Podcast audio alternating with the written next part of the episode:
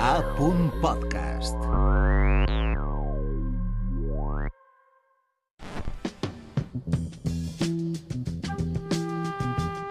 Trenta-tres revolucions per a canviar el món amb Carlos Pérez de Ciriza.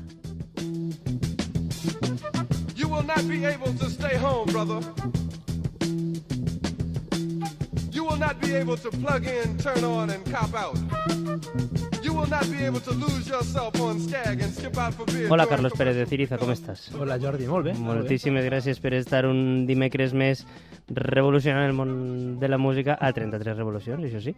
Eh, sabeu, una secció en la qual Carlos doncs, ens presenta la història de discos que, valga la redundància, han fet història, no? I han marcat un abans i un després en el transcurs de la música o que simplement doncs, ell considera que són guais que eh, pel que siga té molt bon criteri, Carlos. Pot ser perquè sigui un, millor, un dels millors periodistes musicals a nivell valencià i espanyol?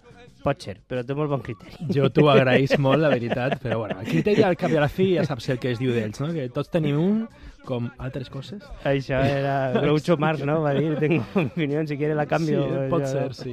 Què Bueno. tenim avui per, a, per aquestes 33 revolucions? Sí, en qualsevol cas, tenim un disc que està d'aniversari ara Mhm. mateix, perquè complís 30 anys, Hola. un aniversari que a mi em fa molta il·lusió, el d'este disc, no? perquè el passat 14 de febrer Mhm. eh, ja fa una setmana que es complien tres dècades d'un disc magistral que jo vaig comprar en quan va eixir perquè em feia molta il·lusió. Sí.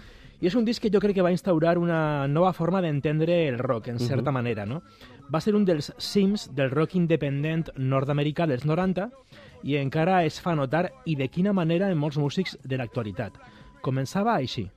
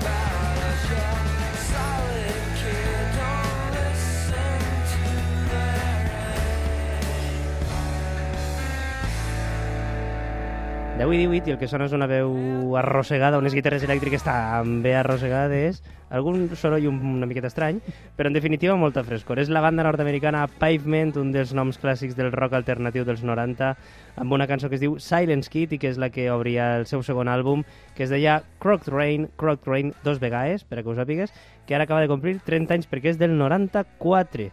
Per què és tan especial per a tu, Carlos? Doncs perquè jo crec que els grans músics, com estos, són Mm. aquells que tenen la capacitat d'agafar influències externes i a Sí. partir d'elles crear un llenguatge que podrien qualificar com nou, Mhm. entre cometes, no?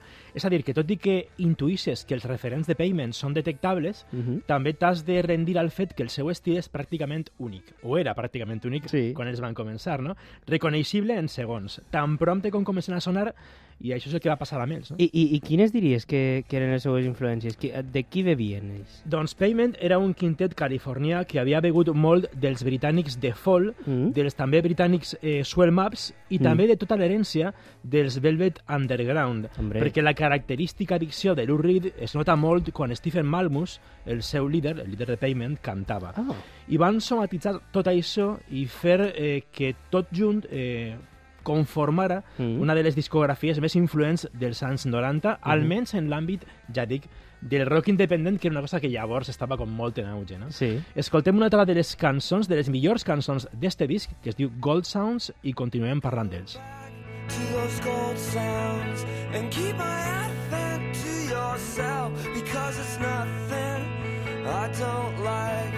Is it a crisis or a boring change when it's central, so essential? It has a nice ring when you laugh at the low life opinions, and they're coming to the chorus now. I keep my address to yourself, 'cause we need secrets. We need secret, crack, crack, crack, cracks back right now. Because I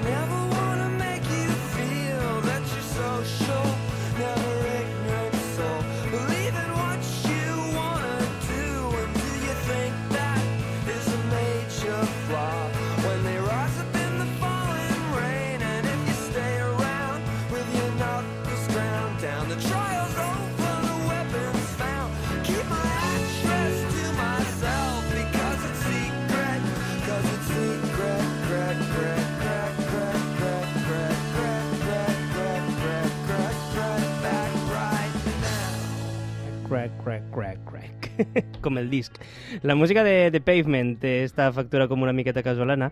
Com casual, inclús, Carlos, és, és una d'aquestes produccions que no t'imagines sonant en les radiofórmules dels 90, ni tampoc, per descomptat, de milions de discos. Sí, una de les seues traces és eh, eixa sonoritat low-fi, Ahà. que es podria traduir com baixa fidelitat, és Sí. a dir, l'antònim Sí, sí, sí, sí. d'alta fidelitat. Una proposta casolana, com dic, eh, de fer les coses eh, amb no massa cuina, no? eh, Mhm. Un producte sense massa manufactura, Sí. amb una producció mínima, com escoltem, molt minimalista, Mhm. i a més del lo-fi, Pavement també participaven d'una certa postura estètica que es deia slacker, entre és cometes. El slacker vol, slacker vol dir en anglès com mandrós, no? Ah, així. és algú a qui li fa tot com una certa peresa Mm. vital, no? Sí, sí. Un, una postura molt típica del rock i del cinema també independent És de veres. de la primera meitat dels 90. Sí, senyor. Sí, senyor, de fet, sí, senyor. Slacker, Slacker és el nom d'una de les primeres pel·lícules del director Li- Richard Linklater, de 1991, que mostrava en realitat un clar menyspreu per la comercialitat. Mhm. eh, Sí, sí, també sí. estic pensant ara en Clerks, una altra pel·lícula dels També 90, és de veres, sí, senyor. que sí. també és, són, Sí, sí, sí, sí. personatges com molt que slacker, pesen, no? com a que pesen, sí, Sí, sí. i com que passen de tot un poc, no? Eh, jo en I, conec aix- uns I això quants, queda eh? molt cool, no? això vol dir que Payment no saberen fer cançons enganxoses de les que arreren al teu cap a la primera? Ni de bon tros.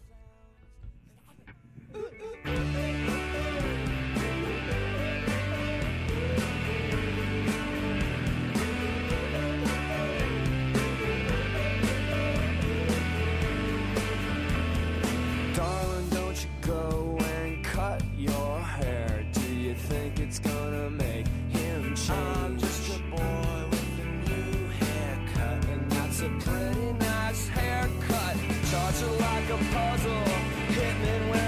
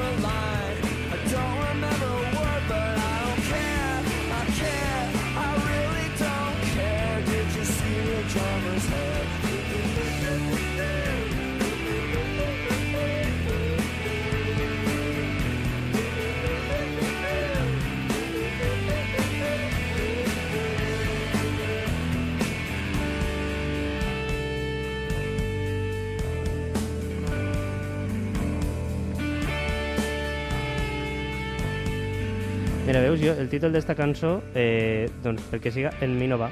Cut your hair, talla't el moño. no sabem fins a quin punt és un missatge subliminar o- o no. El que sí que sabem, perquè les dades estan ahí, és que és la cançó més popular de Pavement amb 40 milions de reproduccions, el single de capçalera d'este segon disc, per cert, eh, que has triat el segon àlbum. Per Sí. què no has triat el primer? El primer es deia Slanted Enchanted, era de 1992, era també boníssim, però Mm. crec que este és més redo, més complet, més madur i també més influent. És un Mm. poc allò que comentàvem la setmana passada al voltant dels discos iniciàtics, Ahà, sí, que sí, potser sí. són més trencadors, enfrontant-los amb els discos de maduresa, Mm. que no són tan trencadors, tan avantguardistes, però són, com a obres senceres, millor arredonits, podríem Mm. dir, no? Sí. Abans parlàvem també de la forma tan intel·ligent en la qual Pavement havien absorbit influències molt diverses per a fer una cosa molt personal. Mm. Així, en esta cançó que escoltarem ara, es nota molt com van acoblar al seu discurs, per exemple, la sonoritat del country rock.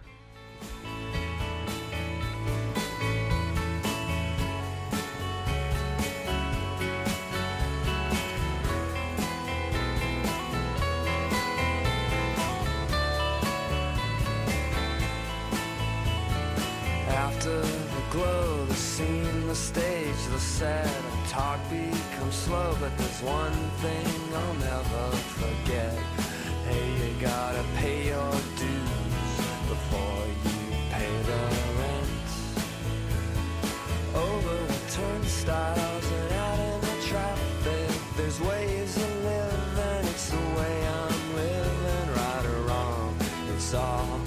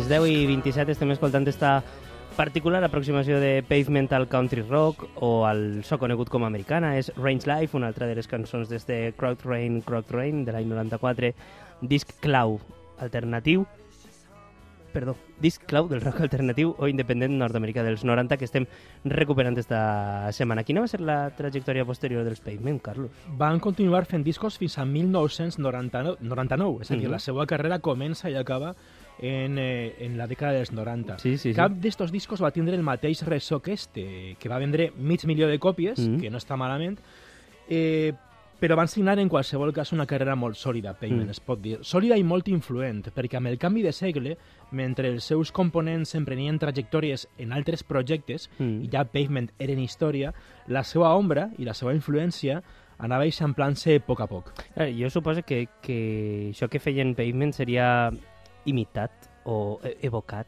per, per molts músics més joves, no? Que, que fins i tot per edat podrien, fer, per, per edat podrien ser fills seus. Eh? Sí. Que estem parlant d'una dècada que...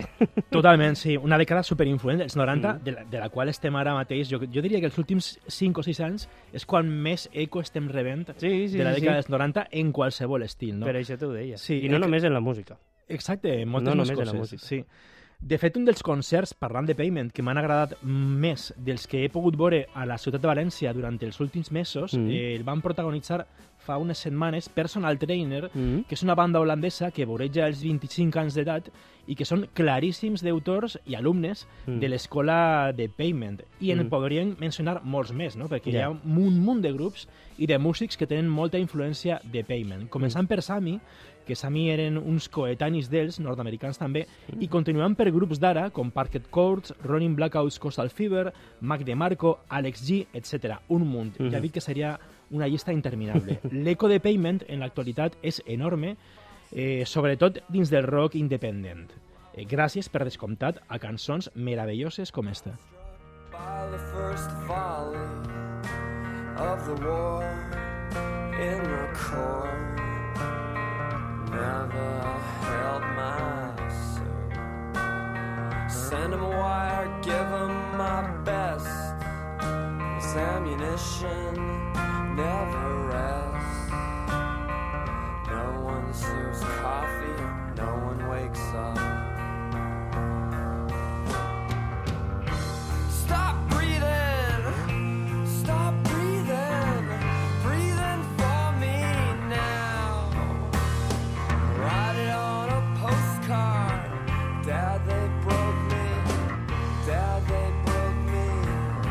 cantará el título de la cançó. Mira, ahí está, ahí está, ahí está. ¿Vale, José?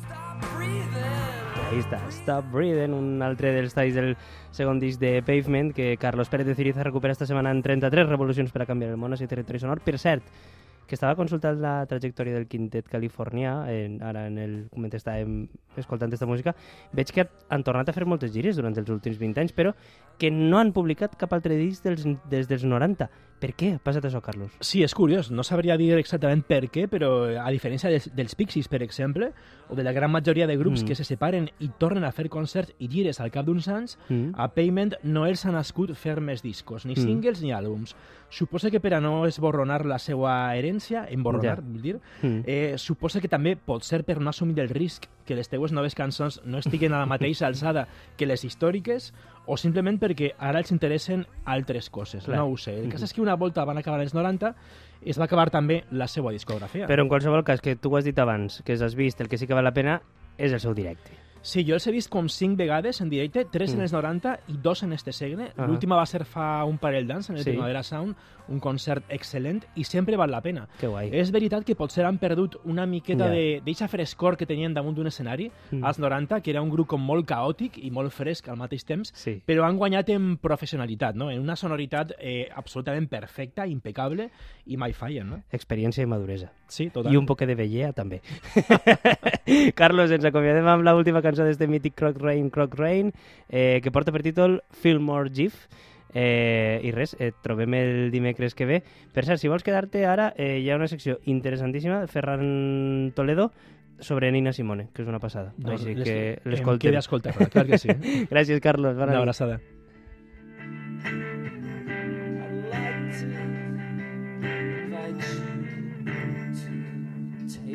chalice. It's a special one, it's made of gold.